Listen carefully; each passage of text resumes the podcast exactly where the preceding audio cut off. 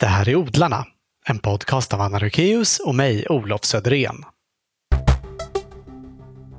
Innan vi börjar vill vi tacka ett par av våra sponsorer. Den här gången är det Impecta Fröhandel, den familjedrivna fröfirman för hobbyodlare. Av odlare för odlare är deras motto.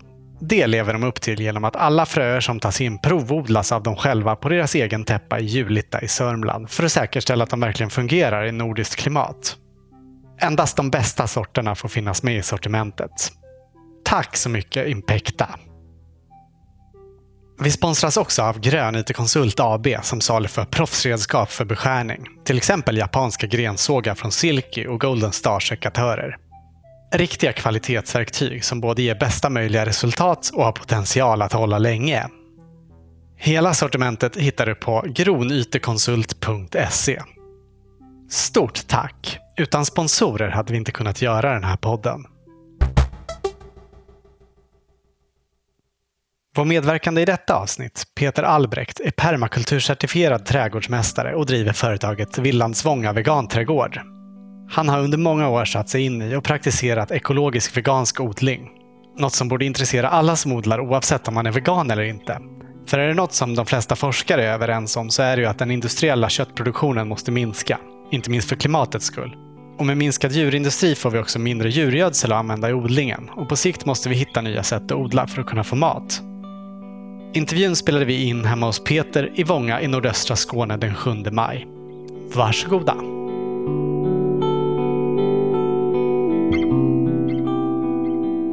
Vill du börja med att eh, presentera presentera Villandsvånga veganträdgård?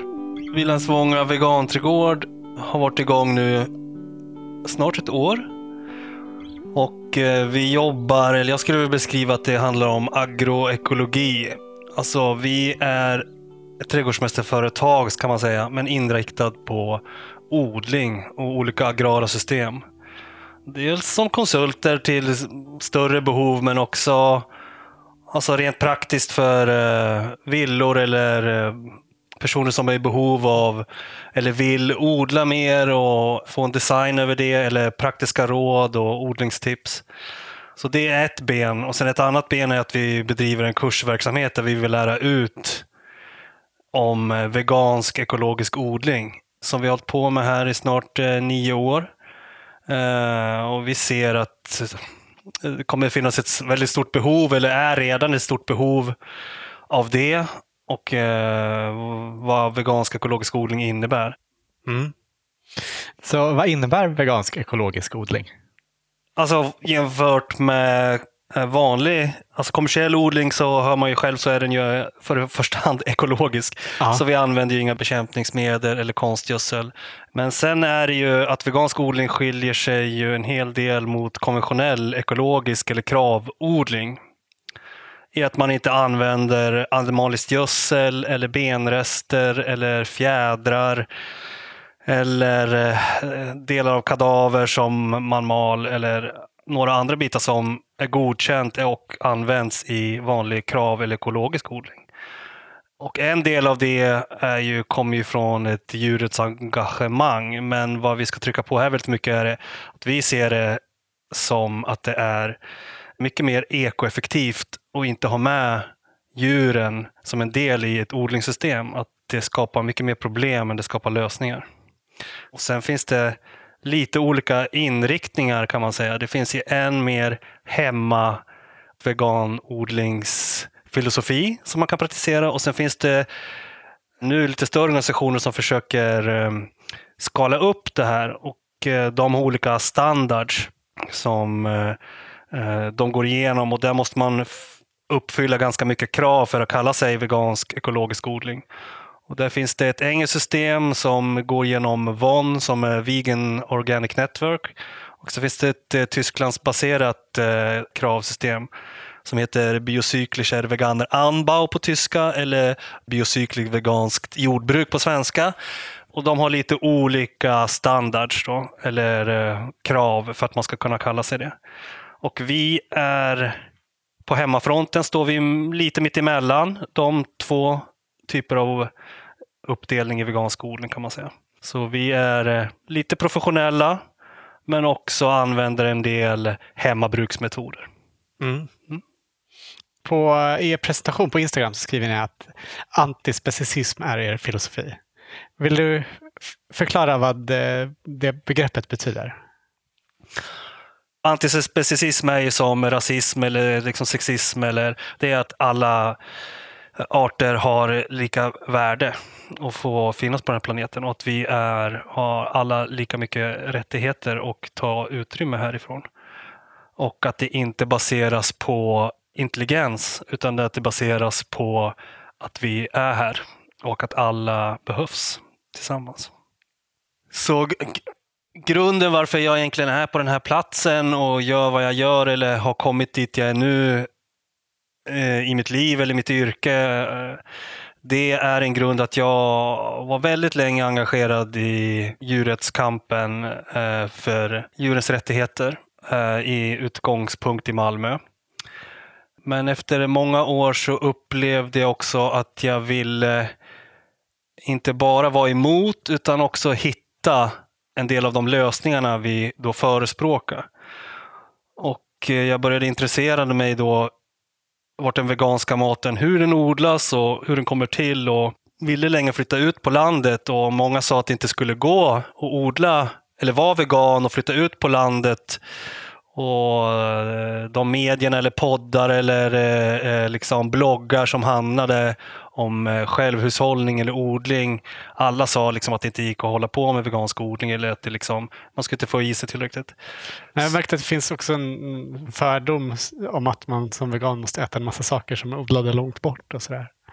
Just det, så det var ju väldigt mycket det jag ville kolla själv. Så när jag startade var det ju folk som sa att liksom det går inte att odla kokbönor i tillräcklig mängd för att man ska kunna klara sig och det går inte att odla Eh, utan animalisk gödsel och det går inte och det går inte. Det var bara liksom, det är precis som, det är samma budskap som liksom berättas för veganer hur de ska äta. Att, ja, ja, ja, ni kan, men ni måste också äta det här. Eller liksom.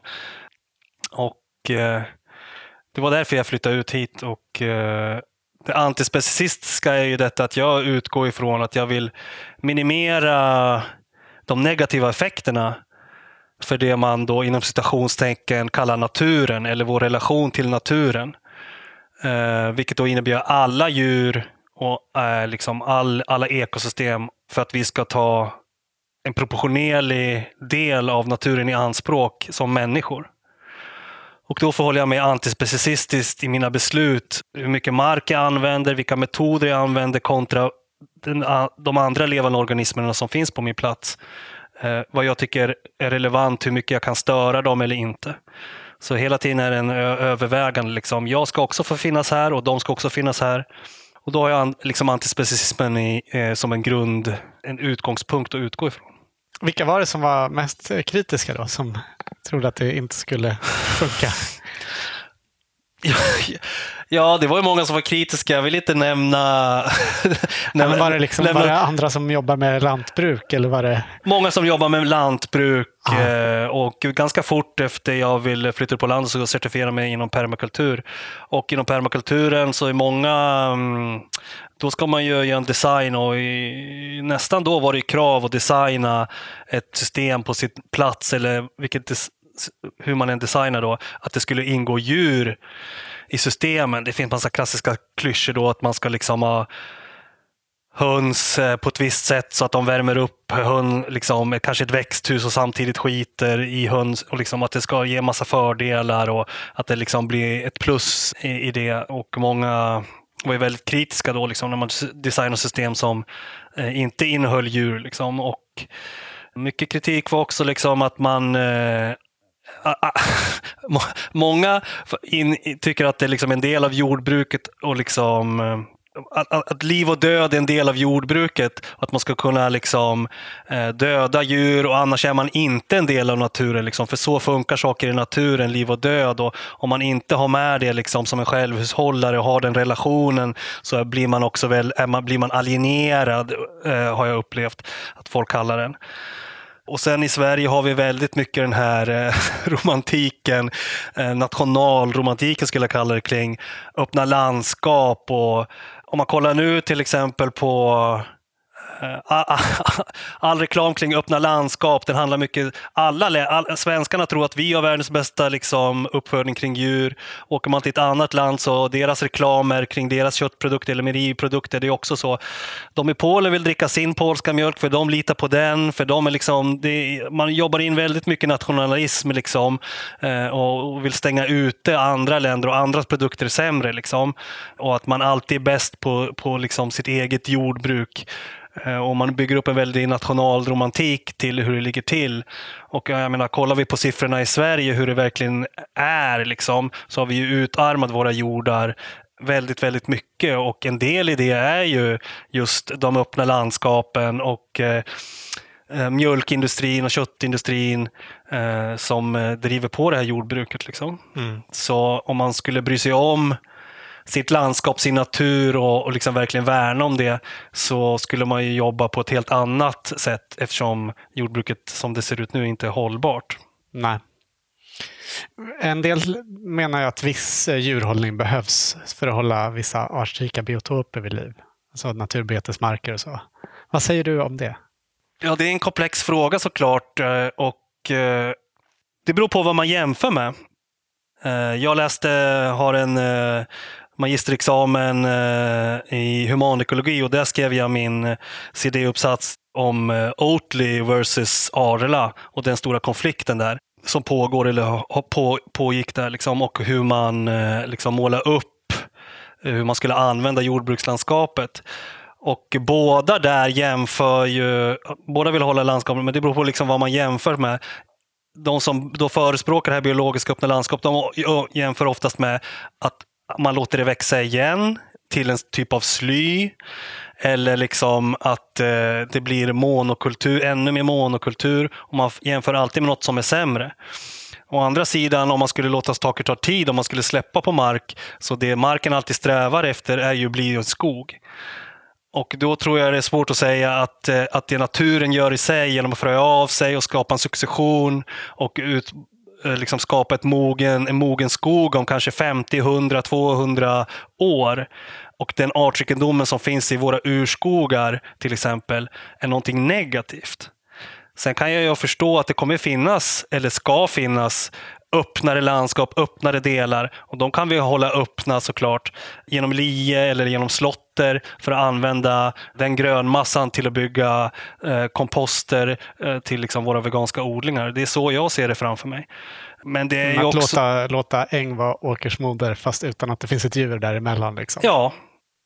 Teoretiskt så borde man kunna ha djur också som inte är menade för produktion på något sätt. Alltså att man har Absolut, alltså, jag menar det är många gånger när jag var i djursammanhang så var det många som kom eh, eh, fram till mig och, och ni, ni veganer, ni vill, ha, ni vill ju ha masslakt. Ni vill ju, då utrotar vi flera arter, då utrotar vi alla kor och då utrotar vi alla eh, liksom. Det finns, kommer ju finnas en lång, lång period från det vi har nu där vi kommer ha väldigt mycket boskap fortfarande kvar såklart, liksom, som får leva sitt liv ut och eh, det kommer behövas jättemycket om vi då pratar djurfristader liksom, som kommer kunna beta och vi kommer liksom kunna ställa om vårt jordbruk successivt efter det. Då, med hjälp av de här djuren som kommer finnas kvar. Och jag ska inte säga vad slutmålet är, det är väldigt svårt att resultera. Och eh, jag tänker inte döma folk om, om det kommer finnas kvar folk som håller får eller håller några kor eller håller liksom, eh, eh, det, är inte, det är inte det den veganska eller antispecicisten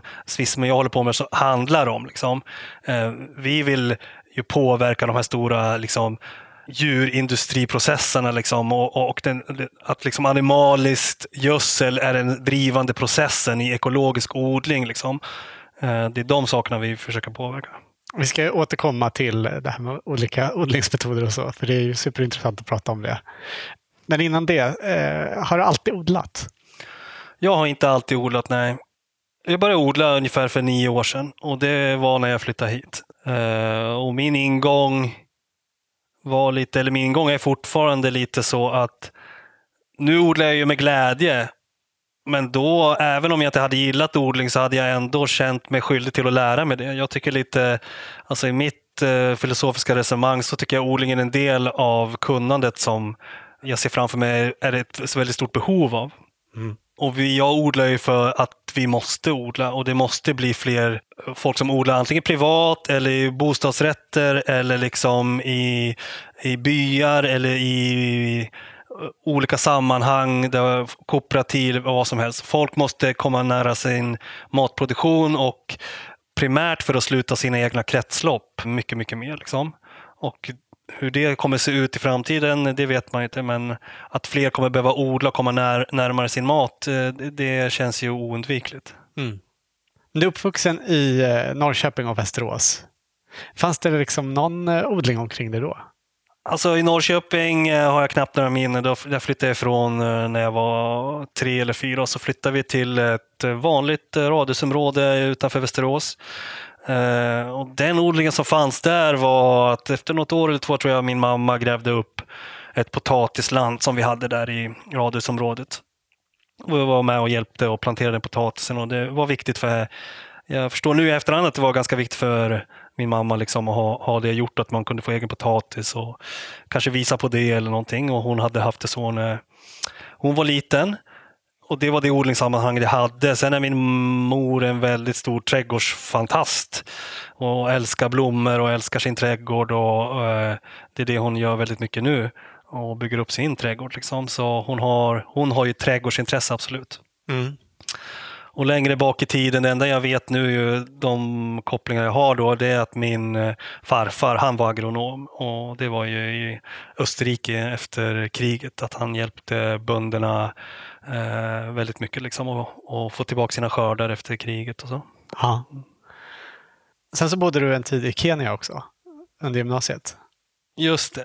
Men där höll jag inte på med någon odling. Det var väldigt mycket upptagen med det vanliga eh, tonårslivet just då och tänkte inte alls på odling.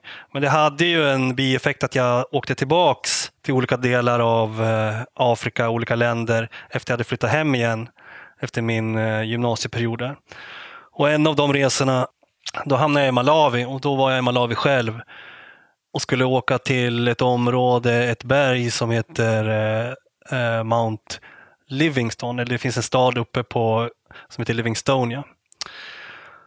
Och eh, jag minns att jag var väldigt magsjuk men jag visste också att jag behövde ta mig upp på det här berget och jag hade med mig en guide och till slut efter många om och men och väldigt stor sjukdom och feber så kom jag upp där till då som eh, ett litet backpackerställe kan man säga, eller nästan ännu mindre än det. Jag visste att det fanns två, tre hyddor man kunde bo i där och några som hade det och att man kunde hyra in sig där. Så min guide lämnade mig där och de var inte hemma men han sa att vi brukar lämna folk här så det är bara att slå upp till tält eh, och så. Och jag var så sjuk så jag slog bara upp mitt tält. Jag såg varken eh, liksom, hur det såg ut eller någonting. Och sen sov jag nästan ett dygn. Jag vet att någon eh, stoppade in en vattenflaska till mig och sa hej. Sen minns jag, att, jag minns att jag nämnde att jag var sjuk. Och sen efter något dygn eller så, så vaknade jag ändå upp där och gick ut. Och då var jag långt, långt uppe, upp, högt uppe i ett berg i Malawi. Med, där en brittisk kvinna och en belgisk man hade anlagt en permakultur odling. Och då blev jag faktiskt rätt eh, tagen eh, på en gång av hur det kunde se ut när man odlade mat. Liksom. Att det inte behövde vara den här monokulturen med, med vetefält eh, som man romantiserade när man var liten och så. Att det såg så integrerat ut och alla hade sina platser och de var villiga att berätta hur det fungerar. Också att man hade ett socialt ansvar och om man kunde eller ville liksom sprida det här och de hade då ett litet biståndsprojekt att de hjälpte mot jorderosion kring byarna där. Och, så jag blev rätt eh, tagen av det faktiskt. Så när jag kom hem sen till Sverige så försökte jag leta upp någonting då inom ekologi eller odling som jag kunde gå. Då bör, första jag hittade då var att jag började läsa humanekologi på Lunds universitet. Och så fastnade jag i det och det är som många säger att humanekologi är egentligen den teoretiska eller liksom akademiska biten av per permakultur. Så det blev en bit. Så i den processen, efter jag var klar med humanekologin, så permakulturcertifierade mig och det gjorde jag medan jag under mitt första år när jag bodde här.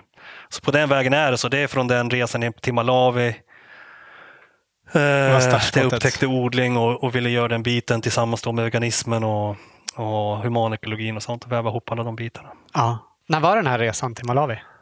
Jag börjar bli gammal nu, jag, men det det måste varit säkert, det är säkert 13 år sedan, alltså 13-14 år sedan. Så jag kom hem och sen gjorde jag hela, nästan hela humanekologin och efter, jag tog något sabbatsår också, åkte tillbaka emellan och besökte andra permakulturställen eh, i Uganda till exempel och så. Och sen fortsatte jag och så gjorde jag min examen då i humanekologi. Mm. Så, och sen, ja det var väl då runt 2000 2010 tror jag vi köpte det här, eller jag köpte det här huset. Ja. ja. Men så när du kom hit så hade du liksom ändå kommit i kontakt med odlingen? Absolut, jag hade liksom en vision eh, framför mig och, och att jag ville skapa en, liksom, en fantastisk plats, en mötesplats som är eller ska vi bli väldigt öppen är det ju tänkt. Jag har haft förmånen att ha vissa resurser då att jag kan ha det här huset och ha köpt den här marken och, och jag vill eh, så småningom göra den tillgänglig för olika organisationer som eh, kan skapa, skapa sig en mötesplats här och, liksom, och, och arbeta på något typ av politisk aktivistiskt håll och, och så. Mm. Så det var liksom en del av det, hur jag har tänkt. Ja. Du sa att permakulturen när du kom i kontakt med den var ganska fokuserad på att man skulle ha djur i systemen. Eh, hur kom du på det här att, att du inte tycker man behöver det? Eller alltså, kom du på det själv? Eller? Jag tyckte det var redan lustigt då. De har ju inom permakulturen, som inte bara med odling att göra såklart, men in, inom de odlingsbitarna vi fick lära oss då, liksom, som var liksom hur ekosystem fungerar eller um, hur ekologiska, olika ekologiska odlingssystem fungerar, till exempel då täckodling fungerar eller ska fungera när det är optimalt. Att det tillför så mycket, att det är så bra att täcka och så gör naturen. Så ställde jag många frågor redan då. Då förstod jag inte, ja men varför om vi nu täcker jorden och så ska vi liksom odla något där då, bönor, och så ska vi då ge dem till hönorna eller djuren eller jag vet inte vad alla olika domesticerade djur äter ens. Och sen lägga på det igen, då gör vi jobbet två gånger. Hur kan det vara permakultur? Men många gånger ryckte de bara på axlarna eller fnös eller tyckte liksom inte det gick eller liksom upplevde att då det här koncentrerade animaliska liksom avföringen var liksom så praktiskt att ha att göra med på något sätt. Eller att djur, mycket är ju en romantisk bild och att, att det här att man sparar in det jobbet på att liksom hönsen går själva runt i odlingarna och gödslar hela tiden. Liksom. Men jag upplever lika många gånger Eh, som de kanske gör det så äter de också upp något som de inte ska hos varje sån som har hönor. Och alltid de som har hönor i permakultursystem, känner ingen eller väldigt få som inte köper in också något till vintern. Eller liksom måste köpa in jättemycket mat till sina höns så de kan inte sluta sitt kretslopp. Så det var många sådana frågor jag ställde, men jag fick liksom svepande svar och att det, ja, det, och jag var helt ny i då, liksom, då rättade jag mig väl lite till leder, men jag tänkte jag tänker försöka och göra det här direkt liksom, och slå ut mellanhanden precis som man gör i kosten. Liksom. Att man eh, inte går vägen till proteinet genom mjölken utan man går liksom direkt till proteinet genom liksom, grödor eller i växtlighet. Eh, så jag tänkte jag, jag kör på det och sen eh, ja, så körde jag på det. Mm. Men veganodling, fanns det begreppet då när du satte igång för tio år sedan? Så när jag satte igång så visste jag inte det. Jag upptäckte eh, de här organisationerna jag nämnde tidigare och så. Bara för tre, fyra år sedan har jag upptäckt att det finns en rörelse då. Och jag var inte medveten så jag gjorde det på helt egen han, så att säga, eller liksom för, för tillfredsställa min egna nyfikenhet. Och, och, var inte organiserad på något sätt och använde inte ens de orden. För mig var det så självklart att vara vegan och göra saker veganskt. Eh, liksom, eh, eh, så jag tänkte och reflekterade inte så mycket på det, men nu förstår jag ju liksom att man är del av ett större sammanhang och eh, att de ekologiska liksom, fördelarna med vegansk odling, eller vegansk hållning eller antispecifisk hållning är väldigt ekoeffektiva. Liksom, och eh, och de, det är de jag vill jobba med. Mm. Hur kom det sig att du hamnade på just den här platsen? Ja, det är lite slumpartat. Eh, jag var på väg hem till Östergötland när jag började leta. Att jag var trött på att bo i stan och Malmö och ville i alla fall försöka flytta ut på landet. om jag skulle behöva flytta tillbaka sen så var det någonting jag ville verkligen prova. Och då letade jag väldigt mycket i Östergötland först, men sen eh, träffade jag min sambo och vi då kom vi överens om att vi skulle begränsa oss lite i letandet av bostad, eller jag skulle begränsa mig, för då var det jag som hade det här bara. Eh, så att vi kunde fortfarande träffa varandra och hon hade ett barn från ett tidigare förhållande och vi kunde inte om hon, om hon skulle flytta efter någon, någon vacker dag så skulle vi inte kunna liksom, flytta upp till Östergötland. Och eh, för mig var Österlen, eh, Österlen för dyrt och för platt och lite för tråkigt om jag ska säga så. Och västkusten, eller västra sidan av Skåne gillar inte riktigt. Och då hamnar vi här uppe. Det här är ju lite ett hemligt, ett hemligt hörn av Skåne dit inte många kommer. Liksom. Vi har Skånes tre största sjöar här. Det är väldigt mycket skog, lövskog eh, och det gränsar mot liksom Blekinge som är Sveriges trädgård och mot Småland norröver och det finns väldigt mycket eh, uteaktiviteter man kan göra här. Det finns mycket eh, mountainbikare och det finns mycket det har en skidbacke i Vånga och det är jättemycket vandringsleder och vi har inte långt till Åhus och vi kan paddla kajak och kanot. Och, så när vi kom här uppe hit, det var mitt på vintern och det var nästan en meter snö faktiskt. Och vi hade bara sett broschyren och då var det sommarbilder. Och när vi kom genom allén här, som man gör när man åker, även fast det inte var blad på då, och man såg Ivesjön och man kom hit och jag såg stugan så slog vi till direkt faktiskt. Mm. Eh, på en gång och det kändes väldigt, väldigt bra. Sen har det ju visat sig varför vi är kvar. Det är ju en del Strax efter detta flyttade några väldigt goda vänner till mig också hit för de upplevde också platsen och genom olika slump och aktivt eh, liksom bemötande av människor har vi liksom skapat en väldigt eh, bra gemenskap här i, här i Vånga.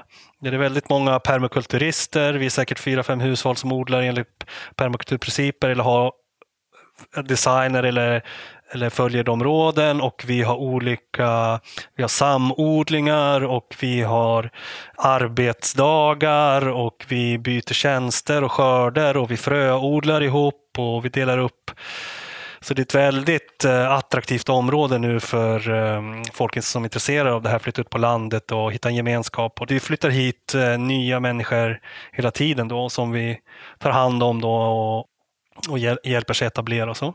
Ja. Så det är också en del varför vi är kvar här. Såklart. Men nu bor ni här allihop, du, din sambo och era barn? Precis, så eh, jag har ju, hade det här stället själv eh, i sju år, eh, ägde det liksom själv och hade det och min sambo Selma var liksom här Eh, så ofta hon kunde, vilket var väldigt ofta. Och jag var och hälsade på i Malmö och så. Och det höll på så ett tag. Men sen tre år ungefär tillbaka så, så bor vi här allihopa då.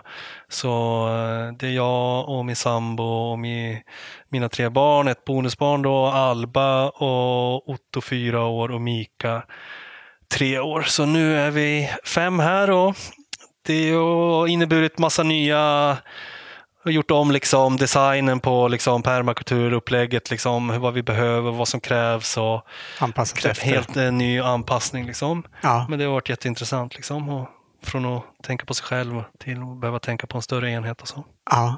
Mm. Ursäkta avbrottet, men odlarna har ytterligare en sponsor som jag vill tacka och det är Hasselfors Garden.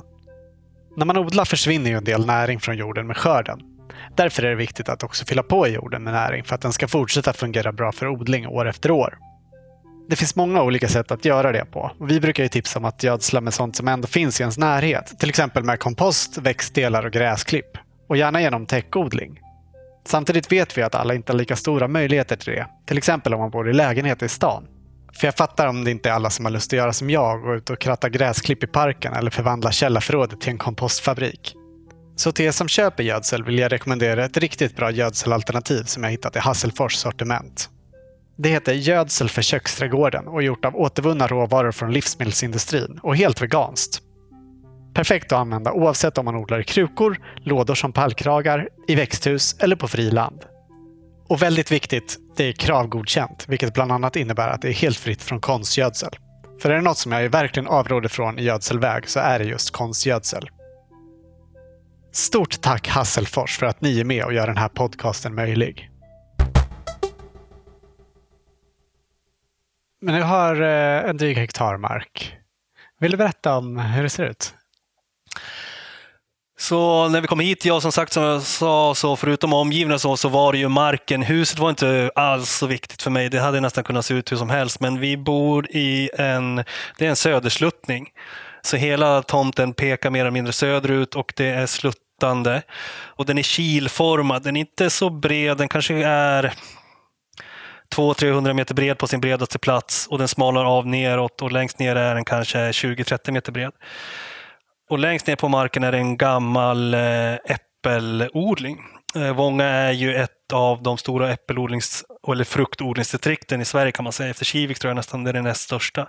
Så alla, de flesta tomt, lite större tomter har äppelodling här. Men vår är väl extremt gammal. Jag vågar inte uppskatta riktigt, de är säkert 80-90 år våra, många av våra äldsta äppelträd här enligt beräkningar och eh, vi har också träffat hon som bott här tidigare och så, så vi har räknat ut det.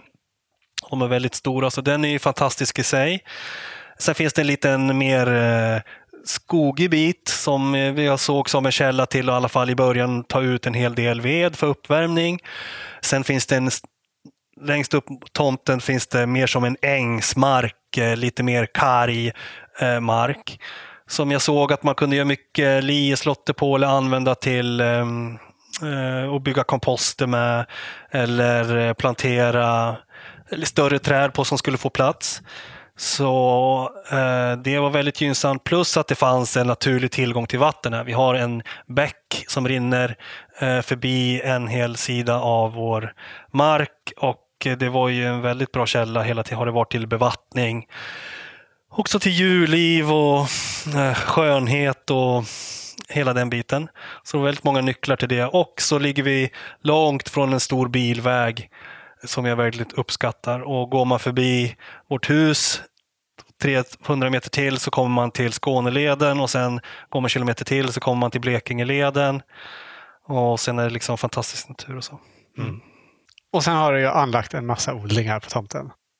Ja, och eh, där har jag följt lite permakulturprinciper så vi har lagt de mest in, de som kräver mest arbete då närmast huset. De får inte mest sol på hela tomten men de får väldigt mycket sol, men de kunde lägga på en annan plats som kanske hade varit lite soligare.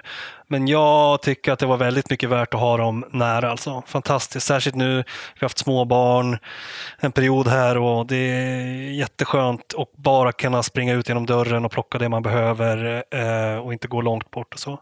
så den principen tycker jag är väldigt bra då, eller det här med zoner i permakulturen och eh, organisera sig efter dem. Och de ligger då um, strax utanför huset här mot eh, väster och de är handgrävda. Så dels är de genomgrävda. De är en och en halv meter breda gånger nio var de i början, nio meter långa. Så först har vi grävt igenom dem, sen har vi grävt gångar där vi la ett spadtag på bädden till vänster och sen la vi ett andra spadtaget till höger. Så vi skapat två spadtag breda gångar vars liksom jordmassa vi har fördelat på två bäddar. Mm, så, så de är ungefär, de var ungefär höga två, bäddar. Ja, så det är liksom djupet. Och sen, men för två, tre år sedan så fyllde vi upp de här gångarna. De har väl varit med, med flis. Så med många, många år hade vi dem, att det var väldigt djupa gångar, att man, alltså det var till knä, bäddarna var uppe till knäna nästan. Och vi har ju säkert, vad blir det, nästan 30-35 sådana bäddar. Men två tredjedelar övergav jag till skogsträdgård efter ungefär tre, fyra års odling.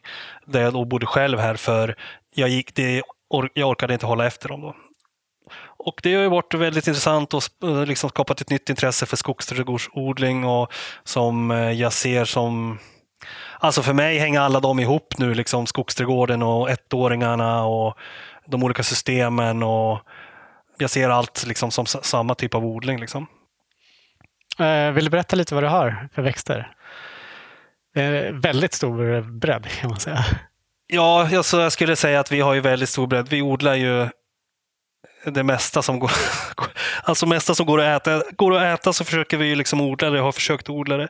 Som inom ettåringsspannet, det är väl naturligtvis eh, väldigt viktigt för oss, eller också kul att odla mycket bönor eller kokbönor. Så vi odlar, har odlat väldigt mycket haricots men mycket fokus på olika bönor och provat många olika typer av bönor, kulturer av sorter eller bönor vi bara fått tag på eller bönor vi har hittat på resor. Eller, så det är väldigt mycket. Och sen fastnar man för vissa och vissa har fått gå bort. Och Har du några sorter att rekommendera? Alltså vi odlar ju en, en eh, gotländsk blåärt som är ju som vår eh, kikärta som blir, är ju väldigt stor, som nästan lika stor som en kikärta. Som har spritt sig här i bygden också, som alla odlar den. Och den jag har inte gjort själva de beräkningarna, men vi har en god vän här som är väldigt matematisk i sin odling och han, den ger ju väldigt hög avkastning enligt mm. honom. Då. Så jag litar faktiskt på honom. Eh, så den odlar vi. Sen odlar vi en som heter tranbär som jag gillar väldigt mycket. En väldigt vacker stor kokböna som blir väldigt stor. Sen har vi en som heter duvlila som vi gillar väldigt mycket, en låg buskböna. Så det är de vi har odlat mest av. Eh, ja, det blir en hel del borlotti och sånt också såklart. Några mm. borlottibönor och så. Annars odlar vi mycket naturligtvis sånt som eh, vi kan förvara över vintern eller syra eller frysa in och det är morötter och kål, väldigt mycket olika kålsorter och alla huvudkål har vi odlat och blomkål och grönkål. I växthuset har du fått flytta in perennkål. Just det, så um, där har vi köpt några som heter eviger kål då, som står där. Och sen har vi några som vi förhoppningsvis kanske kommer trivas bra att de blir perenna. Jag har en liten aning om det och de har vi fått jag hade en del av min utbildning som trädgårdsmästare gjorde jag som på Läckö slott med Simon Irving som också odlar veganskt. Mm. Som då, också har varit med odlarna tidigare? Ja, som också varit med odlarna. Jag har lyssnat på. Det var ju helt fantastiskt att vara där. Och, eh, och han odlar ju en bladkål där som han har från någon belgisk fröfirma som blir enorm här och är helt fantastisk. Och eh, jag tror, eh, vi får se, liksom, jag tror att den, han odlar den inte som perenn. Jag tänker att den kan bli flerårig här. En liten avstickare, men alltså, man har alltid hört att många kålsorter är ettåriga eller tvååriga. Men hur många, alltså är det många som skulle gå och odla som perenner tror du? Ja, jag tror det. Alltså, I rätt zon. Alltså, jag jobbar också på ett ställe som heter Skärva då, utanför Karlskrona. Och där de har en grönkål. Där är ju optimal zon 1. Och de har en grönkål som de säger, den har ju stått, jag har i alla fall varit med att det är fjärde året den står. Aha. Att den kommer liksom. Vi har faktiskt en planta i Göteborg som är inne på sin tredje säsong ja. nu. Så eh, en, ett stort tips är ju också, det är ju det om man har tid och plats. Det är kattklo i ryggen här. Förlåt. Nej, det är ingen fara. Eller det är kanske är fara, men man, nej, eh, nej, man ska ju låta saker stå. Liksom. Som nu, vi lät våra sallader gå upp till frö i år och så tänkte vi ja vi ska spara dem frö. Men nu eh, har vi en hel bädd full med sallad. Alltså, låt saker som frö sår sig. Det är så mycket som eh, liksom kommer av sig självt om man bara släpper lite på kontrollen. Om man nu vill det, liksom. det beror ju på. Eh, så den kommer av sig själv, så det är som att vinterså helt enkelt. Mm. Och det har gjorts helt av sig självt. Annars använder vi på våren mycket av de perenna grönsakerna som många andra i era poddar har pratat om och det är ju då spenatskräppor och strandkål som vi äter mycket här i början. och eh, olika syror som kommer och mm, ja, det kommer nu lind, lindbladen håller på att knoppas på slut och vi äter funkan och sparrisen. Så vi har alla de perenna klassiska som börjar bli klassiska, så perenna grönsaker i skogsträdgården. Sen har vi de andra lagren också. Där har vi ju ja, alla typer av plommon och krikon och körsbär och olika hallon, hösthallon och sommarhallon och blåtry och amerikanska blåbär.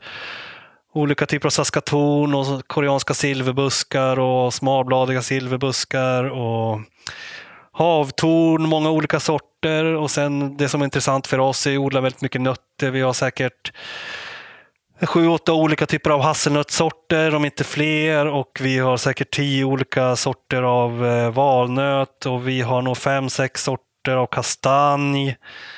Uh, och nu har vi satt också butternuts som är släkting till uh, valnöt och vi har bladdernuts. Nu säger jag de engelska namnen. Mm. Jag kan inte de svenska, det finns ju. Och hjärtnöt och många sådana olika saker som ska bli en stomme liksom i vår diet har vi tänkt sen. Alltså, beräkningarna på kastanj då, man, många säger då Många frågar oss kring då, om man odlar veganskt och kring kolhydraterna då, om vi ska ha mycket sä, odling för säd. Då. Det kommer vi nog ha så småningom. Eh, men vi satsar mycket på kastanjer, så beräkningar på kastanjer på ett fullvuxet eller liksom ett, ett välmålt kastanjeträd, hur mycket man får ut på överstiger ju liksom vanliga vetefält och sånt i hur mycket man får ut. Liksom, på, i på Ja, om man kan ge mjöl av eller hur man nu vill göra. Ja. Så det hoppas vi verkligen på. Jag har fått för mig att det, är ganska oj, att det kan ge ganska ojämn skörd från år till år. Det kan säkert ge ojämn skörd. Liksom. Och en eh, filosofi är ju verkligen att sprida ut eh, liksom, oddsen på väldigt mycket olika typer av mat och man kan odla. Liksom. Men vi har som sagt väldigt, vi har tio olika kastanjer som ska mogna vid olika tillfällen eller ska blomma vid olika tillfällen och ska tåla olika temperaturer. Och visst, eh, många kan vara skeptiska. Vi är ju typ mellan zon 1 och 2 här, men jag tror med klimat dit klimatet är på väg så kommer det i alla fall ganska många år, eh, några av träden kommer, kommer säkert ge kastanjer i, här tror jag. Det, tyvärr då kan man säga att man kan börja, börja chansa på de här träden eh, och så. Sen har du en del rätt, ja, kanske ganska ovanliga saker som ätbar bambu och sichuanpeppar. Just det, ja det har vi. Så, um, vi gillar ju, det är mycket asiatiskt eh, kök när man äter vegetariskt eller veganskt och det finns många bra recept där. Och då var det klart vi ville prova på Sichuan pepparodling också. Man har sett exempel hos eh, Martin Crawfords skogsträdgård där Eh, han har väldigt stora Sichuan pepparträdbuskar. Så jag varit väldigt inspirerad. Så jag letade upp eh, plantskolor som hade dem och köpte dem eh, som väldigt små, små pinnar bara nästan. Och de tar sig varje år. Liksom. Nu fryser de inte tillbaka och de växer hela tiden. Och någon har gett några enstaka då Sichuan pepparkorn. Och då är det ju bara skalet som är själva kryddan på pepparkornet. Det resten kan man inte äta, så det är det som ger smak. Men sen är det ju så att bladen smakar ju Sichuanpeppar och de är helt fantastiska. Så vi använder det väldigt mycket i alla möjliga Använder de färska då? Ja, då, färska liksom, eller ja, i allt, precis som en krydda. Vi, vi klipper dem eller eh, har dem när vi syrar så det kan få smak på våra syrade grönsaker. Och mm. allt Det är mycket mildare, det är inte den här super, som det är på pepparkornen. Så man kan eh, eh liksom, man behöver inte vara så rädd för den kryddningen. Nej. Och sen har vi ju också bambu som du nämnde tre eh, olika ätbara bambus varav en vi har ätit än så länge. De andra har inte blivit stora nog och en verkar vi lite skeptiska till att den blir det. Och de har vi köpt som väl, två av dem har köpt från väldigt stora sjok, alltså en gånger en meter och de eh, lastades upp med, med skopa på ett släp och har backats in med släpet till den platsen de står på. Och eh, de är jätteintressanta. Så dels eh, man, kan man använda dem till eh, störar i odlingarna, är det ju tänkt.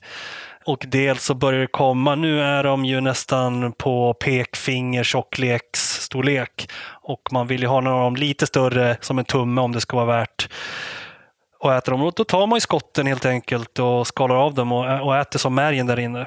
Tar man dem precis när de kommer upp ur marken? Då? Ja, man, de ska, det sägs att de ska vara upp till 40-50 centimeter, sen ska, man låta, sen ska man låta dem vara. De växer väldigt fort så man får ju vara på hugget när mm. de kommer. Och folk är rädda för att hålla dem i schack, men det är ju så med bambu att de skotten man tar det skottet är dött. Det är inte så att det kommer på samma plats igen utav samma skott.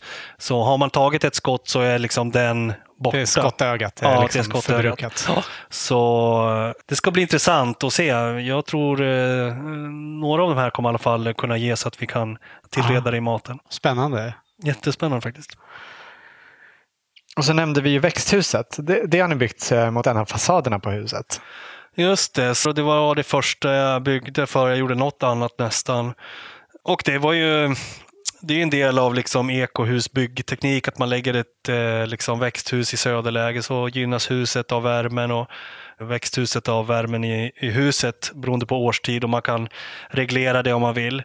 Eh, och det är en väldigt bra zon där inne och det är nästan frostfritt väldigt, väldigt, långa delar. Det kanske kan bli någon frostnatt där inne i januari, februari, men mer eller mindre skulle man kunna odla där om jag skulle ha en hela tiden. Och eh, det är ju strategin är enkel. Vi har bara använt en himla massa gamla fönster och satt upp mot huset och eh, det blir ju väldigt eh, fint. Det skapar en väldigt bra karaktär faktiskt. Mm. Och fungerar toppen och vi har köpt sådana automatiska fönsteröppnare.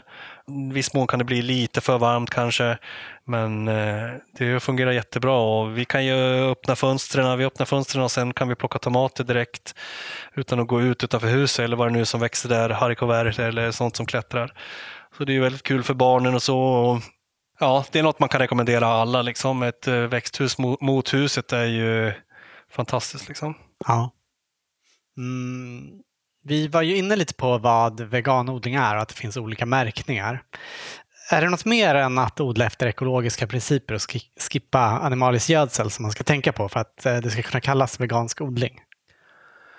Alltså om det ska vara en veganodling ska man ju då tänka på allas mångfald. Så för att det ska vara en veganodling så ska det fortfarande vara täckt mark. Liksom. Enligt alla de här standarderna, om man kollar på de här eh, större, så krävs det att man har marken täckt i dem. Sen är det ju, man ska ju skapa en mångfald och det gör man ju då liksom man planterar många liksom artrika häckar runt sina odlingar. Det ska också finnas för att det ska liksom vara en vegansk odling. Sen finns det liksom lite delade meningar. Eller som sagt, det är det här vi delar mellan liksom att vara en hemma-veganodling och ha lite seriösare där man kan sälja och få liksom en, en, en stämpel eller liksom ett godkännande att man är vegansk odling. Och det är liksom det här med i den lite seriösare, då får man inte använda vattenlösliga gödslingsmedel. Man Nej. måste bygga jorden för att det ska kallas en vegansk odling. Och det är mycket striktare än krav och ekologisk odling. Och man poängterar då väldigt mycket kompostprocessen och olika komposteringssystem. Och de som har kommit väldigt mycket långt är de, det är de här biocykliskt veganska odlarna. Så de bygger helt vanliga kompostlimper. Och sen en del av den, när den har liksom är brunnen och klar att använda så tar de en stor del av den och vänder på och sen låter de den stå i fyra till sex år till. Mm, så långt? Så lång tid. Och det de har kommit fram till nu genom forskning från liksom olika tyska universitet, då bryts allting ner på en sån molekylär nivå att näringsämnena, de är inte vattenlösliga längre eller flyktiga, så de binds i aggregat, i aggregat heter det som eh, växterna optimalt kan sätta igång och ta upp de här näringsämnena optimalt istället för de här vattenlösliga näringsämnena. Mm. Och inom de systemen, då får man, som jag sa tidigare, då får man inte ha vattenlösningar. Man kan inte använda urea kanske, och man kan inte använda nässelvatten. Man kan, inte, ska, eller kan, man kan, men det räknas inte inom den certifieringen. Då, liksom. På hemmabruk skulle man då absolut kunna göra det. På vilket sätt har det med veganismen att göra, att man inte får använda till exempel nässelvatten? Så det, jag har en personlig uppfattning, men deras uppfattning är ju att man måste eh, man ska bli certifierad då inom, enligt EFOM och the Soil Association är med. Och då måste man bygga jord. Och Man bygger inte jord genom att hälla på gödselvatten. Det är bara flyktigt, så man bygger bara plantan och sen tar, äter man upp plantan och så då har man dränerat marken på jord eller på näring. så att säga. Man har tagit någonting och inte gett någonting tillbaka. Och Den typen av odling vill de inte ha. Liksom. Så man ska hela tiden bygga jorden. Och man kan inte ha det då till exempel, man kan inte ha det i aquaponics-system eller bioponics-system till exempel. Det är inte godkänt inom den typen av Nej. vegansk ekologisk odling. Och det var i det ena av de här eh, certifieringssystemen. Ja. Hur är det i det andra? Är det... Ja, det andra är lika strikt på, på det sättet, alltså VONS, Vegan Organic Network. Man ska bygga jorden och man måste liksom ta allting från eh, sin egen mark eller sitt eget kretslopp för att kunna bygga jord och, och liksom skapa förutsättningar för, för allt liv på jorden. Det blir liksom ett bredare perspektiv. Alltså många som är veganer de har ju liksom egentligen ett helhetsperspektiv. Man har ett etiskt perspektiv Eh, Eh, på hela sin omgivning. Man är ju oftast inte bara fokuserad liksom på det här med djurhållning och så. Det är liksom, oftast har man ju ett helhetsansvar vill man. Och eh, det inbegriper då odlingsprocessen. Då. Så då vill man ju bygga förutsättningar för allt liv på jorden och för liksom ett, ett hel, liksom ekosystem i sig. Och därför vill man inte bara ha flyktiga lösningar. Liksom. Eh, så, så man måste presentera ett odlingssystem där, där den stora bulken av den näringen du ska tillföra är någonting som är kompost eller liksom gröngödsel eller att man slår någonting på plats alltså, och använder. Och man får inte ha någonting som bara passerar genom systemet hela tiden. Liksom. För då blir ju marken bara ett substrat och man håller kanske, om man har tur, status quo på jorden och näringen. Men man ökar den inte. Liksom. Om man tittar i en skog eller liksom i en succession där marken är helt bar så bygger man jorden hela tiden för att det kommer till, till ny biomassa hela tiden. Och Det är det man vill göra inom vegansk. Man liksom bygger den. Man vill inte bara hålla status quo. Man vill liksom också öka biomassan och det organiska materialet och den organiska delen i jorden. Vilket egentligen liksom inom vegansk odling så många gånger det som är skillnaden mot ekologisk odling är att i ekologisk odling kanske man ser det som en jordförbättring att tillföra kompost. Och i vegansk odling är det också det, men det är också hela strategin för att tillföra näring. Och i ekologisk odling använder man oftast då liksom andra delar av djur eller liksom som, som näring liksom, eller avföring. Mm när man pratar om jordbruk så känns det som att allt tas fivet, som du säger, alltså ekologiskt att man ska använda djurgödsel eller i konventionellt jordbruk så är det mycket konstgödsel. Det gör ju på sätt och vis också att det ekologiska jordbruket är beroende av konstgödsel eftersom man där använder djurgödsel från det konventionella jordbruket där fodret har odlats med hjälp av konstgödsel. Men det är liksom veganodlingen, då tar man sig ur det helt och hållet. Det stämmer precis. Så vi vill inte göra oss beroende. Alltså, säg om allt går åt rätt håll, att vi skulle lyckas skapa en kamp mot den här liksom, uppvärmningen av planeten och eh, vi går mot ett mer ekologiskt samhälle och ekologisk mat. Det skulle innebära också att vi måste äta mindre kött eh, och använda mindre mjölkprodukter. Liksom. Vilket i sig då innebär att vi kommer ha mindre uppstallade djur.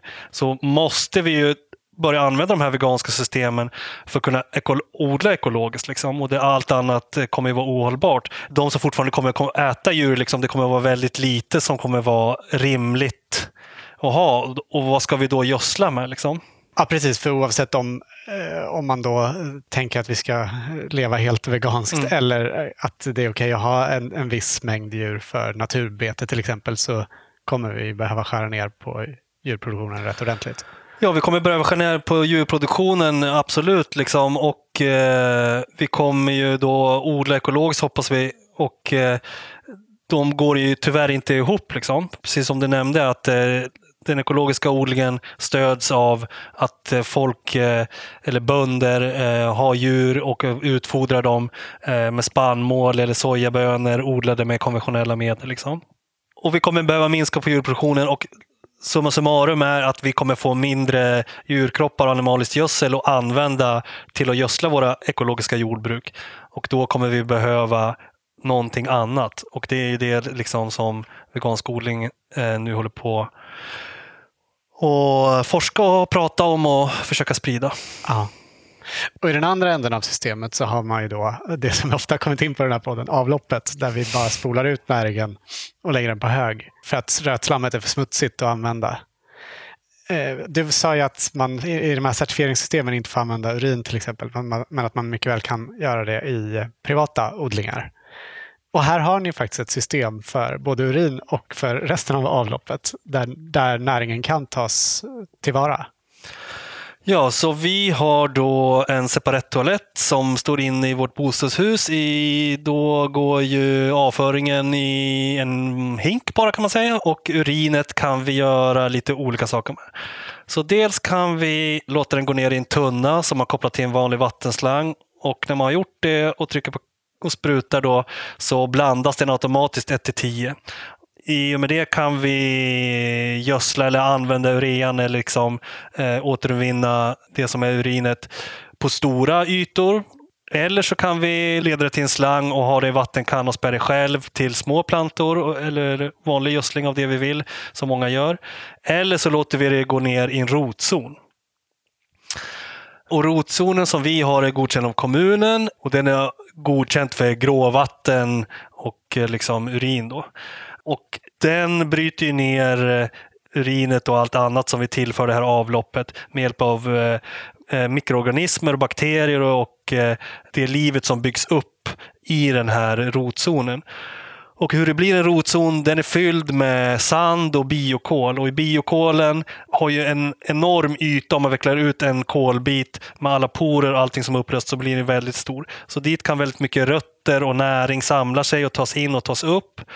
Och eh, det här samlivet då mellan rötter och växtligheter och mulch som vi lägger på genom att slå växtligheten som vi har i rotzonen skapar ett jättebra liv för de här mikrobakterierna för att rena vatten och rena vätskor.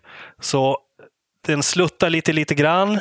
Tror jag bara 10 procent lutning på den här eh, rotzonen och där samlas vattnet upp, eller de här vätskorna upp och samlas i en brunn och den är testad och klar för att använda till till exempel bevattning eller något annat som man skulle kunna göra mm. med den. Det är rent vatten Ja, det är rent vatten som samlas upp där. Mm.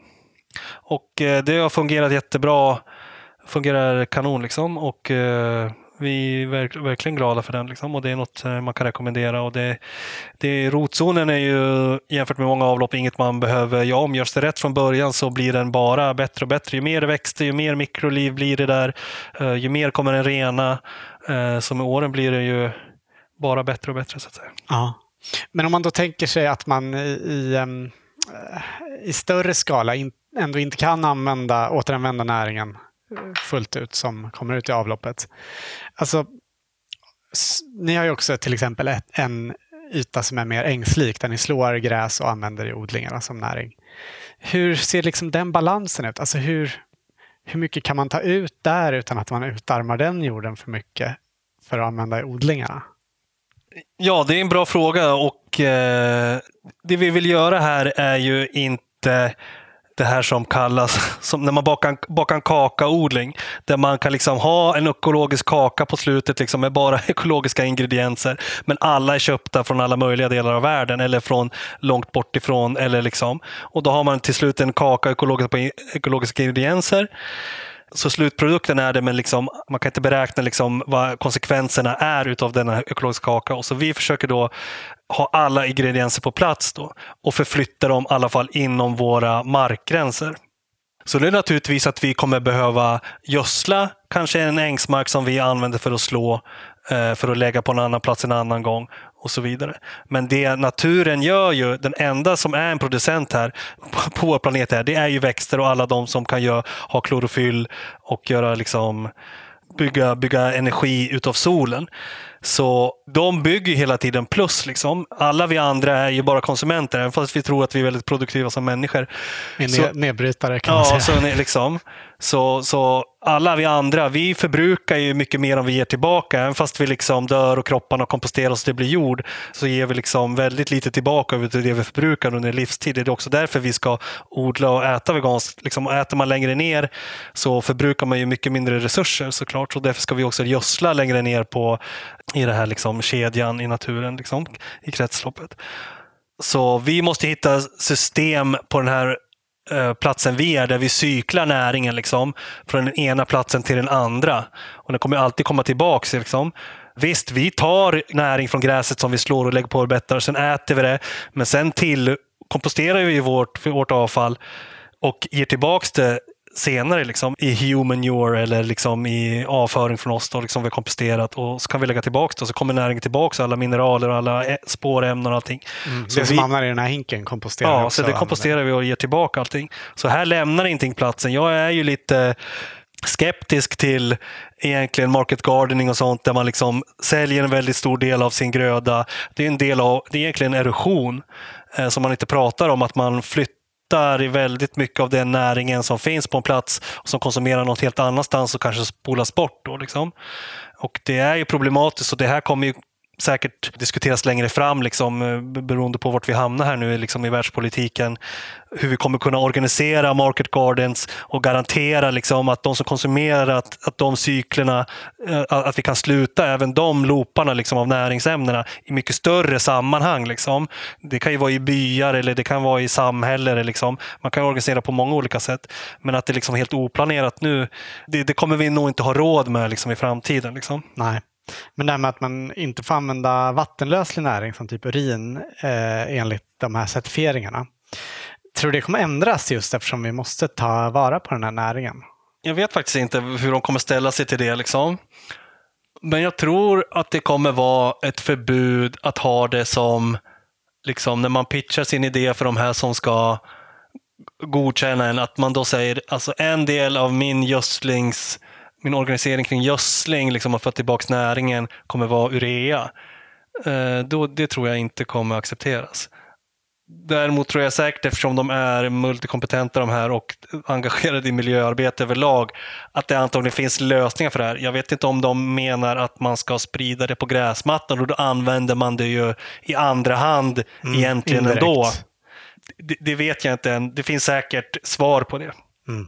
Eller så liksom renar man och filtrerar man det i sådana här eh, liksom rotzoner som liksom man skulle kanske ha träd och buskar i till slut som man liksom hamlar eller det finns säkert eh, många som håller på och löser det här just nu. Ja. Och det här med att sluta kretsloppet måste vi ju som du säger lösa oavsett hur jord, jordbruket ser ut.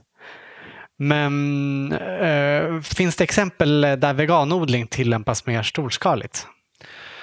Det finns absolut. Eh, nu kan inte jag någon plats i Sverige som är eh, stor det finns säkert någon som odlar eh, säkert och som jag inte kan. Liksom. Någon bonde. Jag läste något om nu att det uppe i Östergötland är det någon som bara håller på med bovete som liksom gröngödsling och slår och tycker det är kanon. Liksom. Och kanske att den är det. liksom. Och, det finns säkert flera sådana exempel. Men de exemplen jag fått ta ifrån eller försöker läsa in mig på och se vad de gör, det är ju mycket i Tyskland, mycket i Frankrike och mycket i England. Och det är stora, stora gårdar som håller på på det här sättet. Jag har hört vissa som menar att eh, odling utan djur eller konstgödsel inte skulle gå ihop med ett mekaniserat jordbruk och att odling av vissa grödor som vi är väldigt beroende av, som oljeväxter och spannmål, behöver vara mekaniserad för att kunna vara effektiv. Men det borde väl egentligen inte behöva stå emot varandra. Alltså man måste väl kunna bygga en gödselspridare som hackar sönder och sprider ensilage som inte har gått genom en ko först. Ja men verkligen, så är det ju. Jag menar, eh, det är otroligt att folk tror att det är kon som liksom skapar energin i gödslet på något sätt. På något sätt liksom, att det är den som tillför något.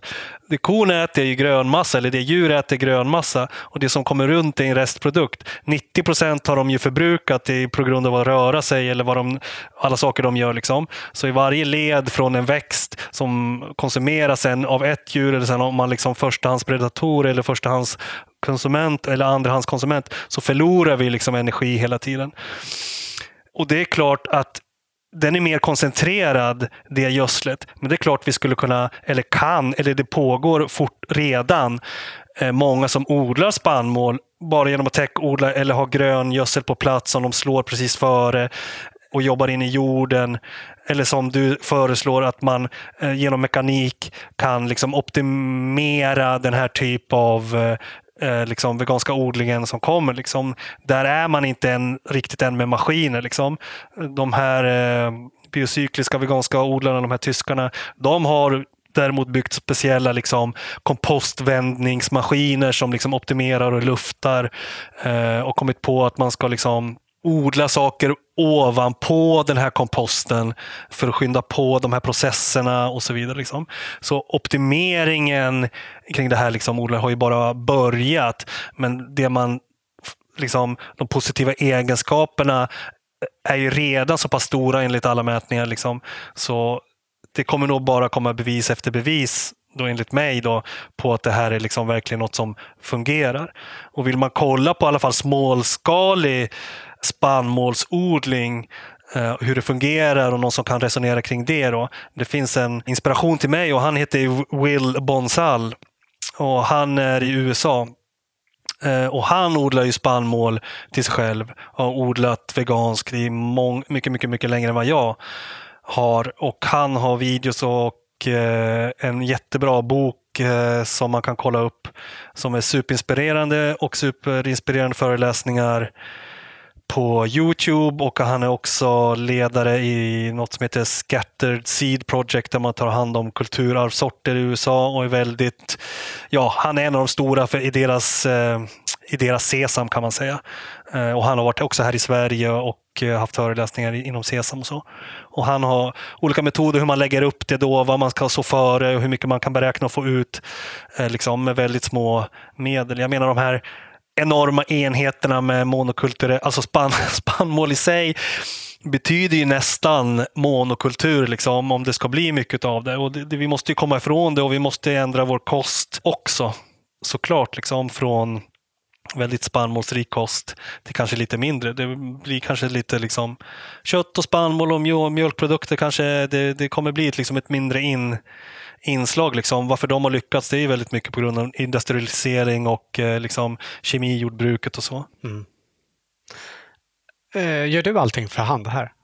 Mer eller mindre ja. Det är klart jag drar igång en gräsklippare och en röjsåg ibland. Eh, det gör vi absolut. Och vi har ju hand, bensindrivna verktyg. Liksom. Ja. Och motorsåg och så. Men det jag kommer investera i härnäst för att bygga upp min jord eller liksom vill verkligen, och verkligen något som jag tror på, som jag tror i framtiden, det är ju att, att, att flisa små grenar och, och göra optimala kompostprocesser med löv och liksom flisade små grenar liksom, som är runt en centimeter, en och en halv centimeter stora bara. Det tror jag väldigt mycket på. De experimenten jag gjort här så har det varit helt fantastiskt. Alltså, när man efter något år tittar på den marken, hur snabbt det har brutits ner och de maskarna som har kommit till och liksom ja. färgen har förändrats och hur skörden blir och hur jämn fukten är och hur lite man måste vattna. Men det har mycket med storlek och växtslag att göra. Och det ska ju vara de som är runt 2-3 centimeter. Då är det mest levande material eftersom då stora träd och större grenar, då är det mest dött material i mitten. Så det ska vara upp till en optimal storlek. Apropå det vi pratade om med special, liksom hitta liksom optimala förutsättningar. Det här tror jag verkligen är något som kommer komma. Att det kanske blir att man har 20-30 kvadrat energiskog kanske på sin mark som man flisar i olika omgångar eller hamlar, precis som man gjorde med, liksom, med hassel i England förr i tiden. Och så flisar man dem på olika sätt. Och så, liksom. Mm. Det är någonting jag tror på. Jag tror också jättemycket på det. Vi fick på vårt koloniområde förra året en stor hög med flis av från en arboristfirma som behövde bli av, bli av med grejer. Och vi la det liksom i gångar och så, men när vi krafsar lite där nu, det är så mycket mask så det, är liksom, ja, det, det har blivit bara sedan förra året gjord av det där. Liksom. Det är helt otroligt. Precis som jag nämnde förut också, vi la det i gångarna här. Nu är det nästan att man vill odla i gångarna istället mm. än i jorden. Liksom. Det är mer mask där nästan. När man bara petar lite och man ser liksom att den här eh, nedbryta, de vita nedbryta svamparna är där. Och det är en del för, det är något som jag har lärt mig också då att många är kritiska till att täcka eller använda det. Man får ju naturligtvis Första året ska man ju liksom ytkompostera med liksom yt, eh, mulcha med det bara. Och sen det som är att eh, liksom, mikroberna och bakterierna under vintern, de avstannar i sitt arbete eh, på grund av temperaturen. Men de som fortsätter jobba väldigt mycket, som har visat sig, det är nedbryta svamparna. Så de jobbar ju liksom på. Sen efter ett år när de har legat där, då har de så pass nedbrutna liksom, så att man kan jobba ner dem i jorden. Liksom. Det är bara det att kunna använda sig liksom av svamparna som nedbrytare istället mm. för att bara bakterierna. Liksom. Ja. Eh, har du lätt att få ihop tillräckligt med organiskt material? Alltså på den platsen jag bor här så ja, för mig är det ganska lätt. Då, liksom. Om um, jag, jag är lite ganska hård mot mig själv, men jag får en silage av en bonde här och han bor kanske 500-600 meter härifrån. Och det, för mig är det att sluta kretsloppet på något sätt. Ändå. Jag får gammalt ensilage som jag använt hittills. Liksom. Nu ska jag försöka bli kanske ännu lite strängare och försöka sluta kretsloppet ännu mer. Dels, jag säger inte, verkligen inte att det är ett måste, men för mig är det liksom en utforskning och se vad som går att göra liksom, på en sån här plats och sluta fler och fler kretslopp.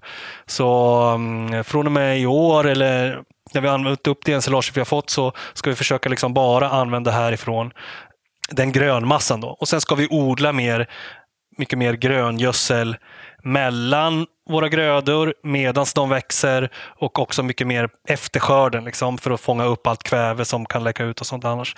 Så alla sådana saker ska vi optimera mycket mer. Och man får inte glömma liksom vad det jag så nämnde tidigare var ju att man den ultimata bilden av fungerande produktivt ekosystem, även fast man liksom inte kan äta allt i en skog eller det blir väldigt torftigt kanske. Det är ju där de som, det är grenar och löv som skapar den här fantastiska liksom, jorden i skogen. Och man ska inte förringa blad. Visst, kol, kväve, halterna är ju väldigt liksom inte optimala. Men det behövs mycket mindre liksom kvävehaltigt material egentligen för en stor bulk av liksom kolrikt material än man kan tro. Liksom. Och mängden i sig, du kan, så länge du har den här lilla delen kväve så kan du slänga på egentligen hur mycket kolaktigt som helst. Liksom. Det kommer brytas ner så småningom. Och ju mer liksom mullhaltigt du får i din jord, ju mer näringsämnen kommer du kunna låsa in, ju mer kväve kommer dina växter komma åt och så vidare. Så löv som också liksom är som eh, gruvor som liksom bryter mineraler jättelångt ner. Stora, stora träd som liksom tar upp näring från 10 meters djup och liksom pumpar ut i sina blad och släpper dem sen. Det är verkligen något som vi kommer man ska börja ta tillvara på. Vi har använt jättemycket här för att komma åt liksom spårämnen eller, eh, och mineraler och också då kväve och kolrikt material. Liksom. Mm. Så det är ju en väldigt viktig del i vår odling här också. Ja. Men berättade du innan att du får en del eh, näring från kyrkogården? Just det, jag får en del, har um, fått tag på massa löv från eh, kyrkogården här i byn eh, som är precis här i närheten. Och uh, i och med det fick jag också med en väldigt massa hästkastanjer. Ja. Så det ser nästan ut som jag täckodlar bara med hästkastanjer i år. det, där samlar ju trädet väldigt mycket energi. Jag vet inte hur mycket vad den innehåller exakt, en hästkastanjs kastanj. Men jag tänker att den är väldigt full med all möjlig typ av näring. Och det blir väst enorma mängder av de här. Om man skulle kunna flisa dem, då tror jag det skulle vara en optimal mulchning eller täckning eller liksom en delning i en kompost. Så det är något jag ska börja experimentera med. Liksom, och Eh, skilja de här kastanjerna liksom, och eh, köra dem genom en flismaskin och se vad det blir av det. Jag tror det är, eh, jag tror det är något väldigt stort. Alltså det kommer nog ta länge när vi har tillräckligt mycket liksom nötskal eller andra saker. Här vad skulle vara motsvarigheten. Liksom. Eh, men det har vi ju väldigt mycket av, så det, det tror jag verkligen skulle vara något. Och det finns säkert väldigt, väldigt många liksom restprodukter här i samhället nu som så småningom kommer liksom ingå i, i större veganska jordbruk. Så det kommer säkert finnas företag eller kooperativ eller, eller liksom organiseringar där man liksom organiserar hela byars liksom överblivna grönmassa och gör optimala komposter kring det liksom på givna platser där alla kan gå och ta, ta av de här, den här superkomposten och liksom ta tillbaka till sin jord och i och med det slutar liksom kretsloppen i sin biotop eller sitt samhälle och så. Det är väl något som skulle vara väldigt vackert eller väldigt bra och så. Mm. Hur tänker du om sånt som många skulle kalla för ohyra? Man kan ju få problem med odlingarna av allt ifrån sorgmyggor i såddarna till eh, sork. Vi har, vi har till exempel själva varit med om att hela vår odling blev skövlad av mördarsniglar. Ja. Ja, nej, det är klart det finns. Eh, jag har ingen exakt lösning vad jag gör på dem där och då. Alltså jag försöker vara så medgivande jag kan och ge så mycket plats till dem som jag kan. Liksom. Vi har haft problem med sorkar. Primärt att de, när det har varit vissa kalla vintrar och gått på rötterna på fruktträd. Men då får man ju ha väldigt mycket fruktträd helt enkelt på väldigt många olika platser som lösning på det. Alltså återigen mångfald, mångfald, mångfald. Och Det andra problemet vi har problem med här det är egentligen kolfjärilen. Liksom.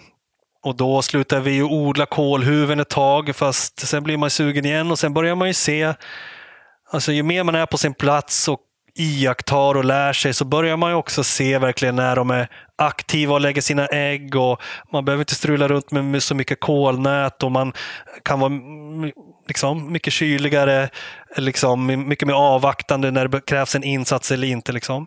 Det är också det som är väldigt intressant att vara så nära sina odlingar och bo så nära sina ettåringar. Liksom, att man kan ha liksom, verkligen och Det är ju den småskaliga odlaren eller småjordbrukets fördel att man kan göra väldigt precisa, korta små insatser här och var och optimera sina grödor det. Och det är fördelarna som liksom ett monokulturellt jordbruk inte har. Liksom. Att man kan verkligen gå in och göra små punktinsatser liksom, och det blir ändå ekoeffektivt eller liksom rationellt att göra det när det är en liten skala.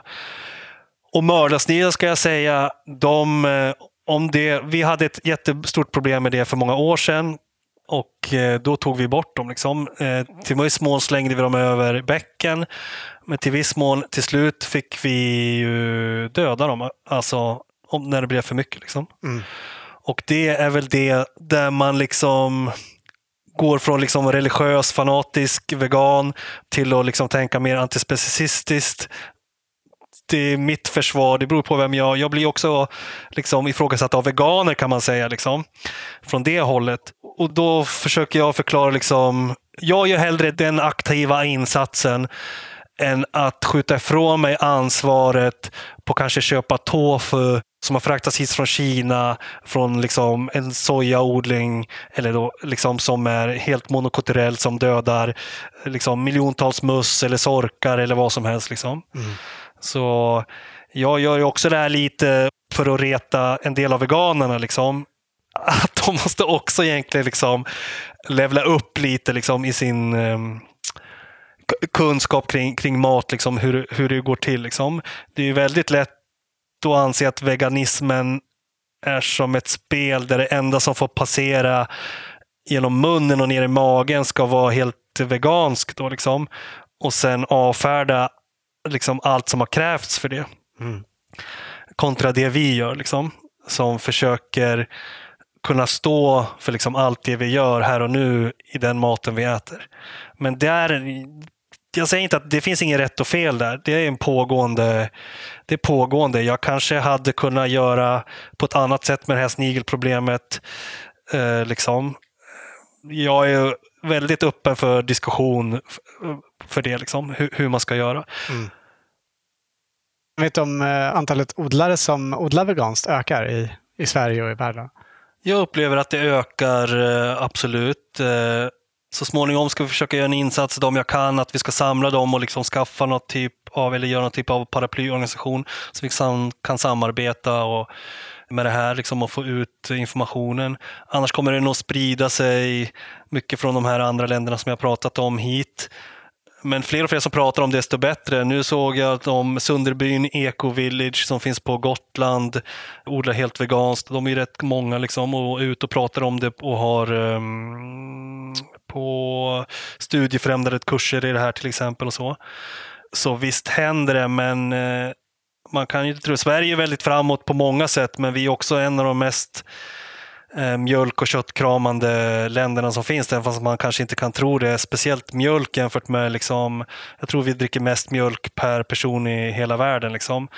Och vi har haft en väldigt speciell historia kring det och det kan man diskutera länge. Det här med svensk mjölkinformation. Vi hade det och det var liksom statligt organiserat att alla skulle börja dricka mjölk. Och, så, och liksom helt enligt påhitt mer eller mindre. Liksom. Och det är verkligen djupt rotat. Liksom. Så folk är skeptiska här, alltså nästan mer skeptiska än i många andra ställen, tänker jag. Men så får vi se. Vi, det, det jobbas ju på, liksom. de veganska produkterna blir fler liksom, hela tiden. Och när fler blir veganer så kommer ju fler börja odla veganskt av sig själv. Liksom. Så folk kommer ju börja inse, liksom, jaha, den här, den här liksom vegetariska mjölken, ja, ja, hur är den? Ja, ja, nej, den är gödslat med animalisk gödsel. Ja, det är ju Liksom, okej, okay, det är jättebättre än att äta kött och dricka den här, men okej, okay, jag kan gå ett steg längre och folk kommer gå ett steg längre.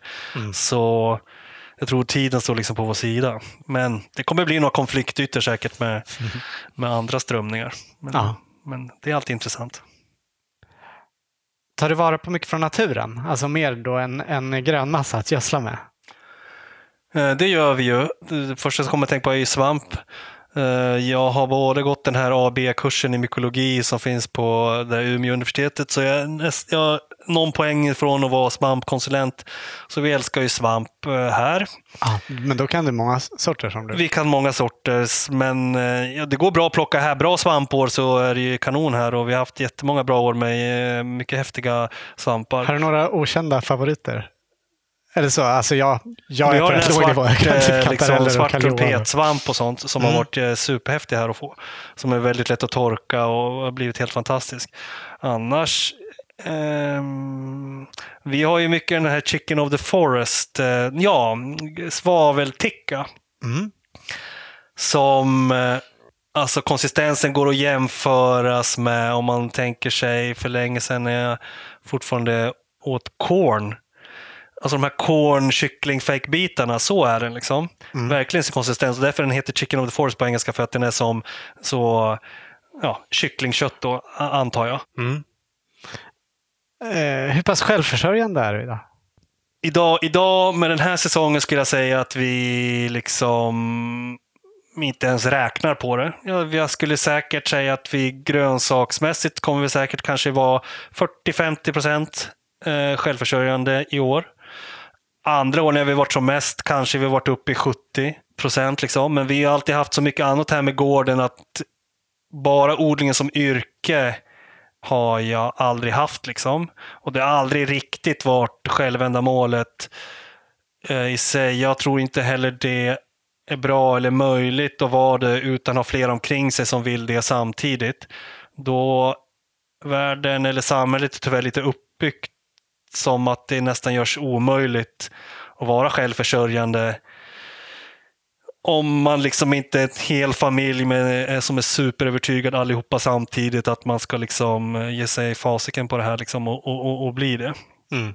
Och så ser inte våra familjer ut och det är inte önskvärt just nu. Det vi bygger däremot det är ju att vi vill när det väl blir aktuellt, vilket jag tror det kommer vara, att vi ska vi vill liksom ha, förbereda oss för om det blir aktuellt att kunna bli självförsörjande. Och där är det inte bara det vi kan odla själv, utan självförsörjningen bygger väldigt mycket på att vi bygger de här nätverken som vi har i bygden här. Utan dem skulle vi liksom inte kunna vara det. Så mycket, lika mycket tid måste gå åt liksom att ha social samverkan här och bygga ett socialt nätverk och ha fester och bjuda in och hålla kontakter och, och så. Det är liksom eh, superviktigt. Så det skulle vara mitt svar på, det, på den mm. frågan. Liksom. Ja. Men det här som du var inne på i början, att många sa till dig när du flyttade hit att det inte gick att odla tillräckligt med bönor till exempel för att bli självförsörjande. Eh, skulle, du, skulle du kunna det? Ja, det alltså skulle... det här med lite med tio års erfarenhet, skulle du kunna det? Och det ser vi absolut inget problem. Det verkar inte vara något problem. Liksom.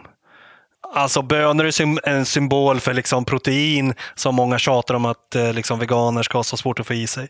Men jag menar, kollar man på de perenna gröna sakerna vi växer, eller bara broccoli eller bara liksom, så är det inga problem. Nu häromdagen eh, insåg jag liksom att mullbärsblad, vi har tre, fyra mullbärsblad, de håller, eh, mullbärsträd och bladen innehåller 33 gram av 100 protein.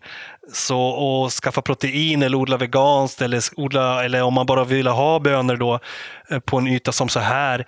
Det är liksom inga problem och det är fantastiskt. De är också kvävfixerande och det är väldigt lite skadedjur på bönor. Liksom. Och väldigt tacksamma om man pluggar dem och sätter ut dem. Och, och, och uh, nej, det, det tycker jag är det minsta av problemet som vi har faktiskt. Liksom. Det, det, det är ingen oro längre. Och, så.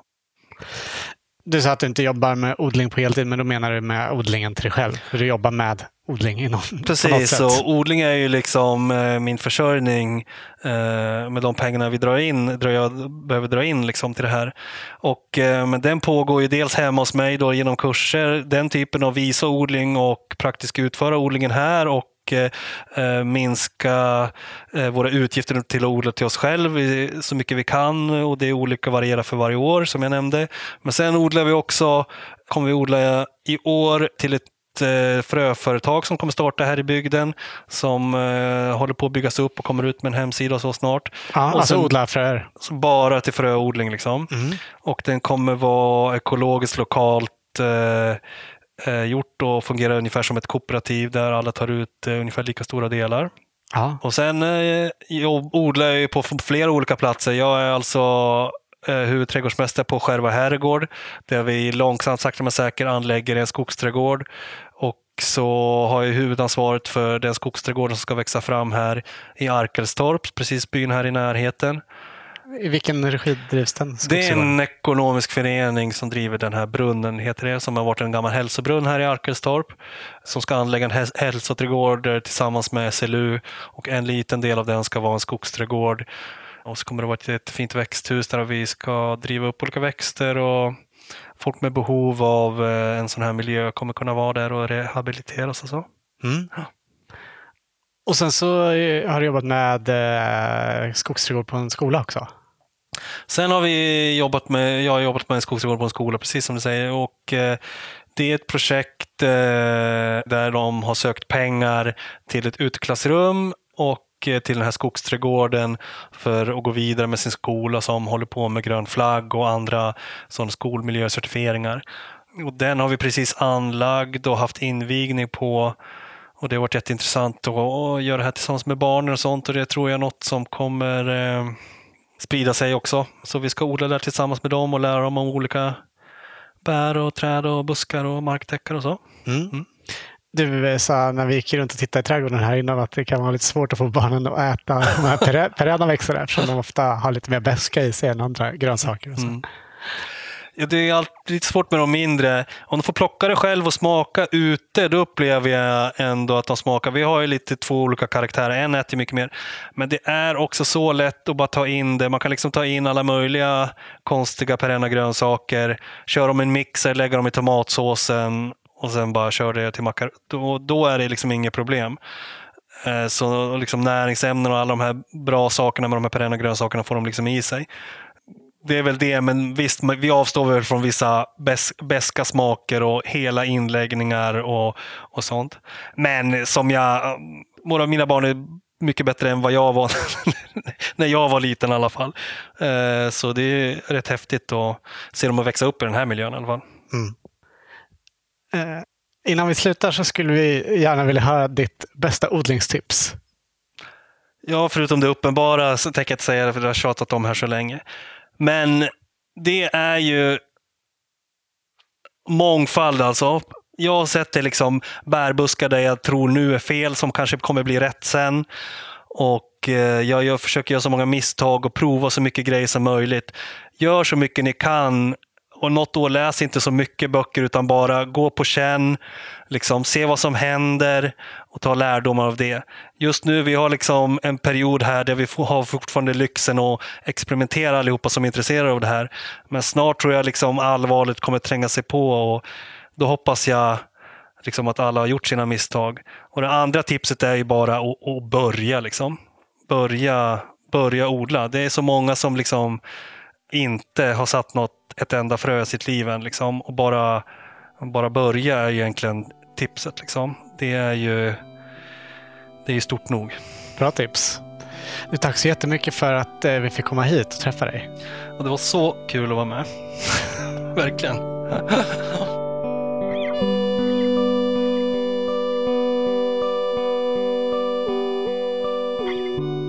Du har hört Peter Albrecht i Odlarna.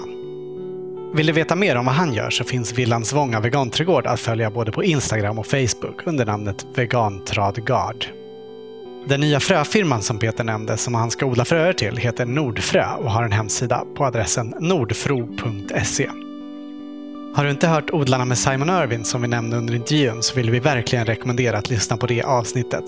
Även Simon har väldigt mycket intressant att berätta. Tack för att du lyssnat och stort tack än en gång till våra sponsorer som möjliggör den här podden. Grönytekonsult, Hasselfors Garden och Impekta Fröhandel. Producent för odlarna är Anna Rökeus. Jag heter Olof Söderén. Vill du följa oss så kan du göra det på Instagram under namnet Spenatistan. Och Spenatistan är även titeln på den odlingsbok vi skrivit. Odlarna tar nu ett litet sommaruppehåll, men vi är tillbaka igen i augusti. Ha det fantastiskt fint till dess. Hej då!